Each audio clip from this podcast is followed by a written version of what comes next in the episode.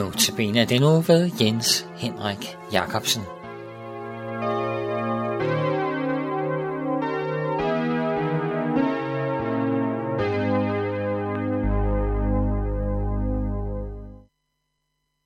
God aften. Som en samlet overskrift over mine notabene-andagter i denne her uge, hvor vi er på vej mod påsken, der har jeg simpelthen valgt ordet vejen. Vi følger Jesus på den vej, som han gik mod Jerusalem, mod lidelsen og døden og korset. Via Dolorosa kalder vi tit Jesu vej. Det betyder smertens vej. Tager vi til Jerusalem, kan vi i den gamle bydel også følge den rute, som Jesus ifølge traditionen gik. Er det så den rigtige rute? Det ved vi ikke. Sandsynligvis er det ikke, men det er heller ikke det vigtigste. Men Jesus gik af smertens vej, og det var en vej, som også var brolagt med angst, ydmygelse, modsigelse. Han bliver også ført til Antoniaborgen, hvor Pontius Pilatus, den romerske general, hvor han residerer. Pilatus finder egentlig ikke Jesus skyldig i noget af det, som hans modstandere anklager ham for. Og Pilatus vil, vil egentlig gerne øh, give ham fri. Og han plejer at give en fange fri hvert år til påskehøjtiden. Og nu vil han egentlig gerne øh, løslade Jesus. Jeg vil øh, læse øh, et afsnit fra Lukas evangeliet, som jeg også har gjort de andre øh, aftener.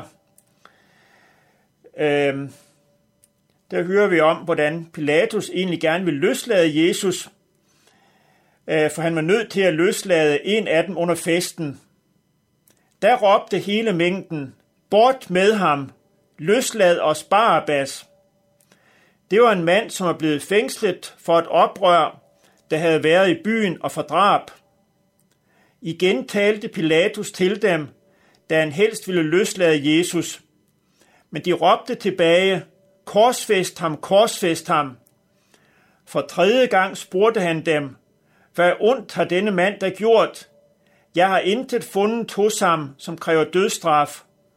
Derfor vil jeg løslade ham, når jeg har givet ham revselse.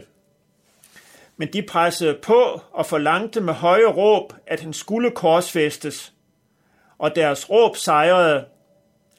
Så besluttede Pilatus, at deres krav skulle efterkommes. Han løslod ham. Han løslod ham, de krævede, ham der var kastet i fængsel for oprør og drab. Men Jesus udleverede han, han så de fik deres vilje. Barabbas, han gik fri af fangenskabet. Hans vej gik ud i friheden, tilbage til livet. Huskede han det bagefter, tænkte han på, at det indirekte var en anden fange, som var anledning til hans frifindelse. Eller skænkede han ikke Jesus en tanke? Det ved vi ikke. Men vi ved, at vi alle sammen hører til blandt de dødsdømte. Der er synd i vores liv, som vi med rette kan dømmes for. En dom, som vi ikke kan bortforklare eller løbe fra. Men han, som intet ondt havde gjort, han blev dømt, også for os.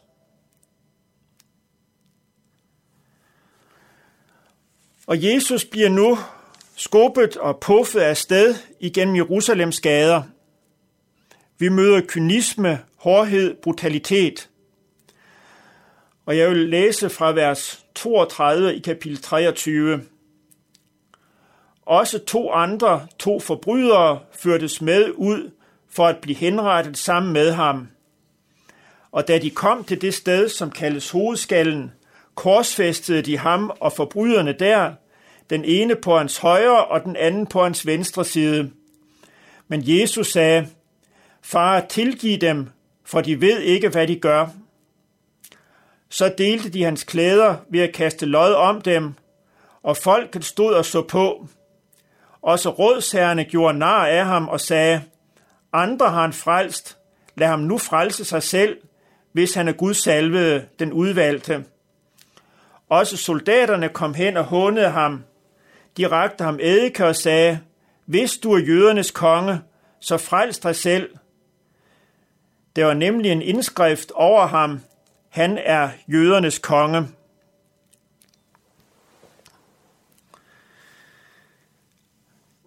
Her i det her drama, hvor vi møder megen kynisme og hårdhed, ja, der møder vi også ham, som beder for sine bødler.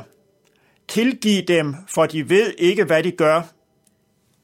Er det ikke et lille stykke af den guddommelige kærlighed, vi møder her? Apostlen Peter skriver mange år senere i et af sine breve, der skriver han om Jesus. Han gjorde ikke synd, og det fandtes ikke svig i hans mund. Han svarede ikke med skældsord, da han blev skældt ud. Under sine lidelser truede han ikke.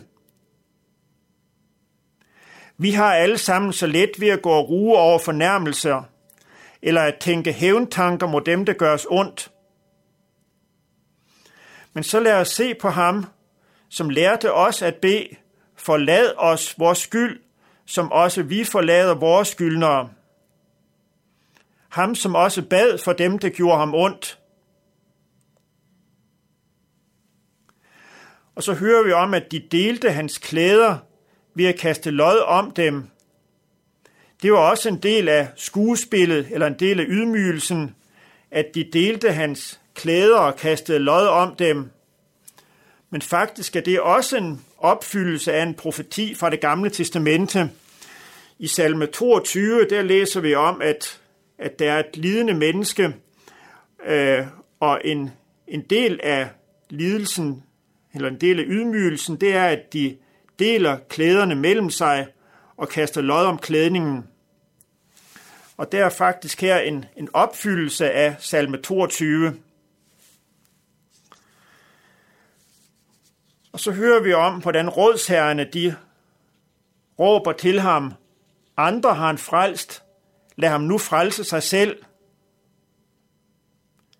De gjorde det vel for at gøre nar af ham, men uden at vide det, fik de sagt noget vigtigt. Han undlod at frelse sig selv for at frelse andre. Og der blev sat en indskrift over ham på korset. En tavle med teksten, han er jødernes konge. Måske har Pilatus mest tænkt lidt ironisk, nedladende, sarkastisk,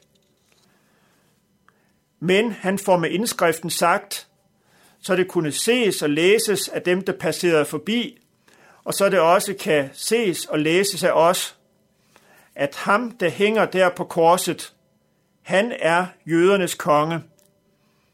Han minder ikke om konge. Det gjorde han ikke, da han red ind i Jerusalem på æslet, og det gør han endnu mindre nu, hvor han hænger på korset. Men skiltet proklamerer alligevel, her hænger kongen.